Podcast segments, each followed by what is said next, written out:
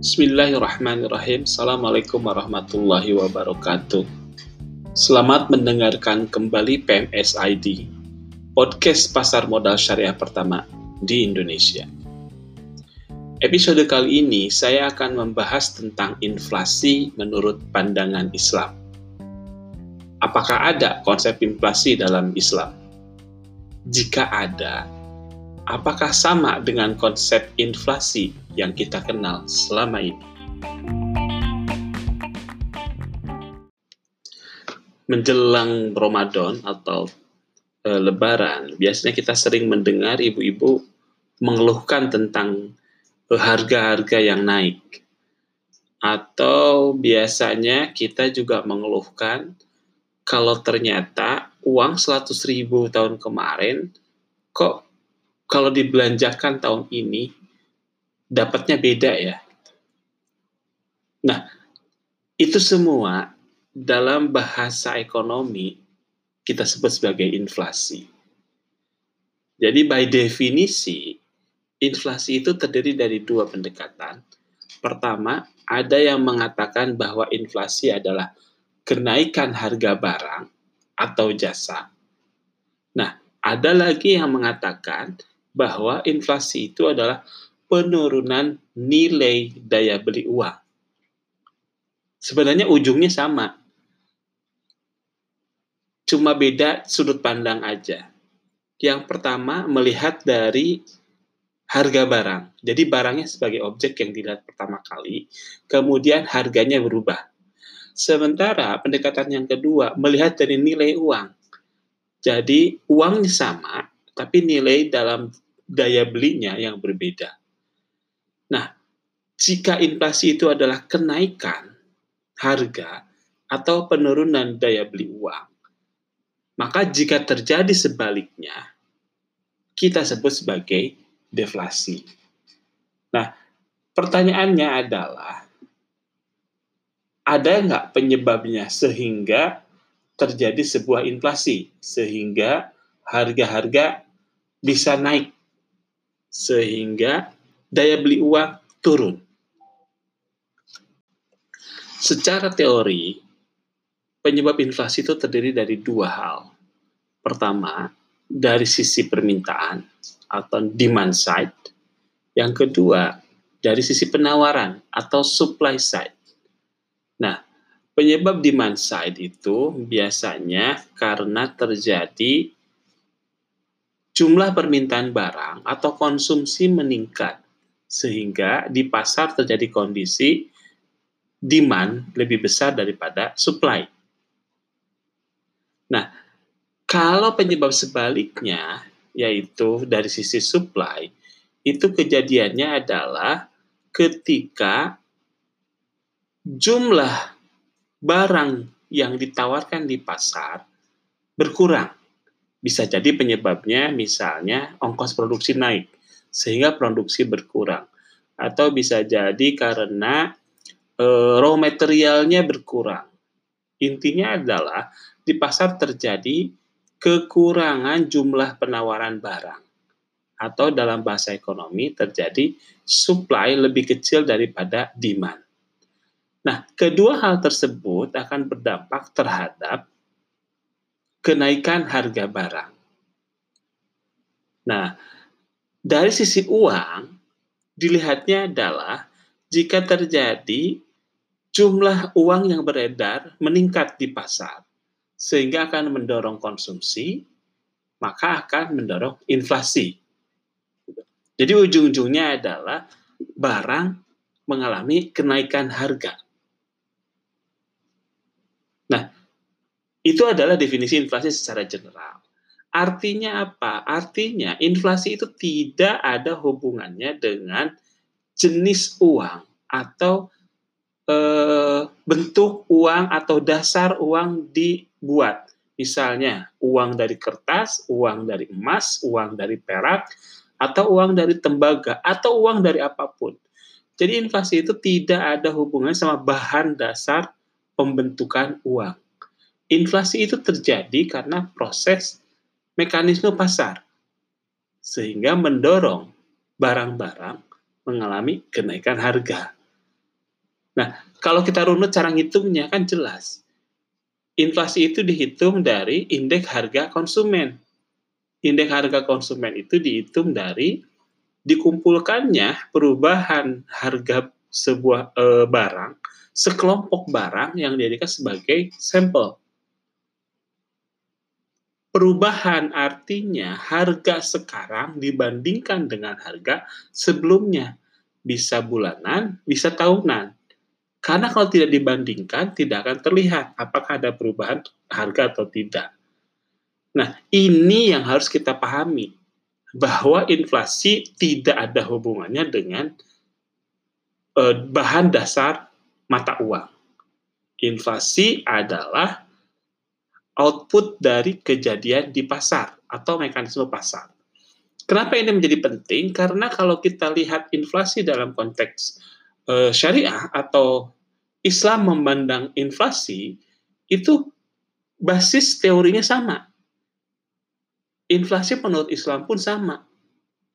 Inflasi itu adalah uh, tidak ada hubungannya dengan bahan dasar uang. Karena kan sekarang ada pendapat tuh, inflasi itu terjadi karena uang dibuat dari kertas. Coba ke lagi seperti zaman eh, sahabat Rasul gitu. Atau seperti zaman Rasul. Nggak ada hubungan. Kenapa demikian? Karena banyak hadis yang bercerita tentang kondisi di mana kejadian pasar mendorong harga meningkat. Nah, yang menarik adalah ketika kita bicara Islam, uh, kita bicara inflasi dalam konteks pandangan Islam, maka ada sedikit berbeda.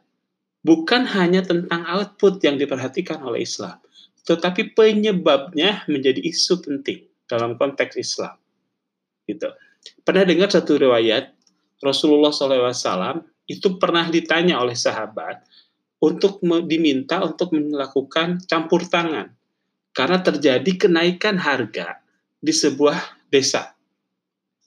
Nah, penduduk merasa keberatan dengan harga yang terus menaik, sehingga sahabat meminta Rasul untuk campur tangan. Apa yang dilakukan oleh Rasul? Malah dia balik nanya, coba cek penyebabnya apa? Apakah karena suplainya eh, di desa lain yang men menjadi penyebabnya, atau ada hal lain Ternyata setelah diinvestigasi penyebabnya adalah ada uh, kejadian alam yang mengakibatkan suplainya terhambat, yang mengakibatkan suplainya terganggu, yang mengakibatkan suplainya terbatas.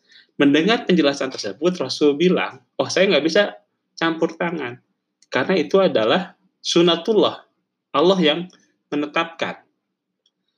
Nah, dari hadis tersebut jelaslah bahwa kalau inflasi disebabkan oleh kejadian alam, kalau inflasi disebabkan oleh bukan oleh campur tangan manusia, maka Islam melihatnya adalah itu hal biasa, itu natural, tidak boleh dicampur tangankan. Gitu. Tetapi sebaliknya, jika inflasi disebabkan oleh sengaja disebabkan oleh manusia, sengaja disebabkan oleh sistem, sengaja disebabkan oleh perusahaan, maka Islam mengharuskan campur tangan negara. Nah, dalam hal itu banyak hadis yang mendorongnya. Gitu. Pertanyaannya adalah begini, lah emang inflasi bisa diciptakan? Pasti banget gitu, sangat bisa contoh yang paling tren lah, misalnya sekarang lagi tren tuh, nimbun kalau biasanya yang ditimbun itu beras, minyak gitu ya. Sekarang kan ditimbun adalah eh, apa itu namanya untuk tutup masker ditimbun biar harganya naik. Nah itu dengan menimbun barang otomatis akan mendorong kelangkaan barang di pasar sehingga otomatis akan terjadi kondisi permintaan lebih banyak daripada suplai barang. Nah, tetapi penyebabnya adalah sengaja ditimbun atau dalam bahasa syariah disebut ikhtikar. Jika itu penyebabnya, maka haram hukumnya menurut Islam. Negara wajib campur tangan agar tidak terjadi inflasi. Atau misalnya inflasi bisa kejadian jika kita menjual barang yang belum kita miliki atau buy al makdum sehingga seolah-olah ada barang di pasar padahal kita belum punya barang tersebut. Jika itu penyebabnya, maka agama mewajibkan negara untuk campur tangan. Agama mengharamkan inflasi yang disebabkan oleh kesengajaan, baik itu oleh manusia, balik oleh itu lembaga, ataupun oleh e, institusi lainnya. Jadi clear ya bahwa inflasi itu dalam Islam dipandang menjadi dua hal. Selain outputnya, yang paling penting adalah bagaimana terjadinya penciptaan inflasi tersebut. Ya, jika diciptakan dengan sengaja, maka haram hukumnya. Negara wajib campur tangan. Jika ternyata inflasi terjadi karena hukum alam, maka negara tidak boleh campur tangan karena itu akan eh, otomatis terjadi sendiri. Inflasi yang disebabkan oleh hukum alam itu tidak haram. Beda dengan inflasi yang diciptakan oleh eh, manusia dengan sengaja. Gitu. Nah, dari sini kita mendapat eh, bisa menarik kesimpulan bahwa Islam melihat inflasi lebih besar bobotnya berdasarkan faktor penyebabnya, bukan hanya dampaknya. Tetapi kalau inflasi yang kita kenal sekarang atau dalam ekonomi konvensional itu fokus pada dampak. Penyebabnya apa terserah, tapi dampaknya dilihat. Oh, dampaknya merusak misalnya. Dampaknya menyebabkan anu, menyebabkan ini kelangkaan pasar. Tapi penyebabnya tidak dilihat. Meskipun sebenarnya jika secara hukum terjadi penimbunan kan di, tetap di, ditangkap juga gitu karena melanggar. Artinya Islam itu sangat mengakui bahwa hukum ekonomi itu berjalan seperti biasa. Islam itu mengakui bahwa pasar itu akan membuat sebuah mekanismenya sendiri Islam itu mengakui bahwa ada kalanya pasar diintervensi, ada kalanya pasar di, di, eh, didiamkan begitu saja, bergerak seperti mekanisme pasar yang seharusnya. Nah, pertanyaan selanjutnya. Jika konsep inflasi ini kita tarik ke pasar modal syariah, maka apakah dimungkinkan harga yang terbentuk di pasar itu diciptakan dengan sengaja dengan tujuan untuk merusak pasar? Sangat mungkin. Penjelasannya sangat jelas disebutkan di fatwa nomor 80 DSN MUI jadi konsep perus apa konsep pembentukan harga sehingga terciptanya inflasi itu juga terjadi di pasar modal ketika ada manipulasi pasar yang mencoba menciptakan harga dengan tidak sewajarnya. Seolah-olah harga yang tercipta itu adalah harga yang sebenarnya. Padahal harga yang tercipta adalah harga yang dibentuk oleh oleh para pihak dengan sengaja sehingga ada pihak lain yang dirugikan. Jika itu terjadi, Islam mengharamkan. Gitu. Jadi sudah clear ya. Yang perlu harus kita ketahui bahwa satu, inflasi itu adalah dampak dari sebuah transaksi. Sehingga banyak hadis yang fokus pembahasannya tentang kegiatan tukar menukar atau jual beli, bukan tentang uangnya sebagai alat transaksi. Gitu.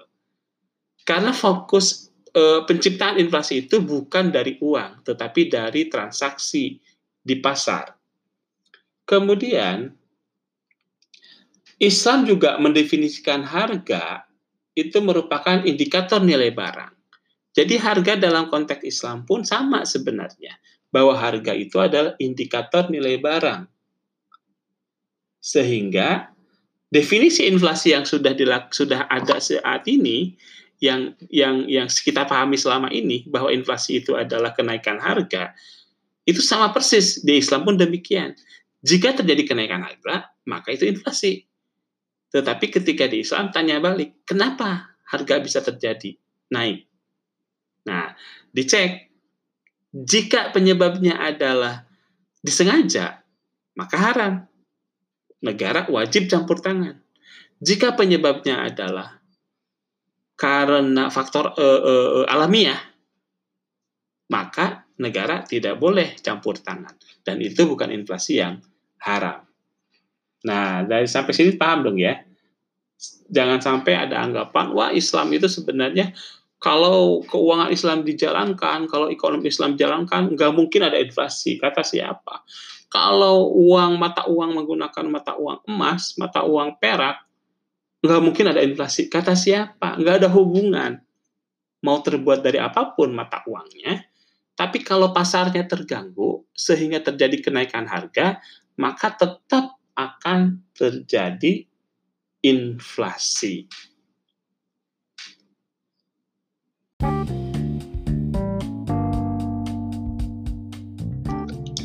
Islam memandang inflasi adalah sebuah keniscayaan yang selalu ada dalam sebuah transaksi jual beli, baik barang ataupun jasa. Islam menganjurkan agar inflasi harus dikelola atau dikendalikan oleh pihak berwenang. Sudah tentu dengan memperhatikan penyebabnya. Jadi, kata siapa Islam tidak mengenal konsep inflasi?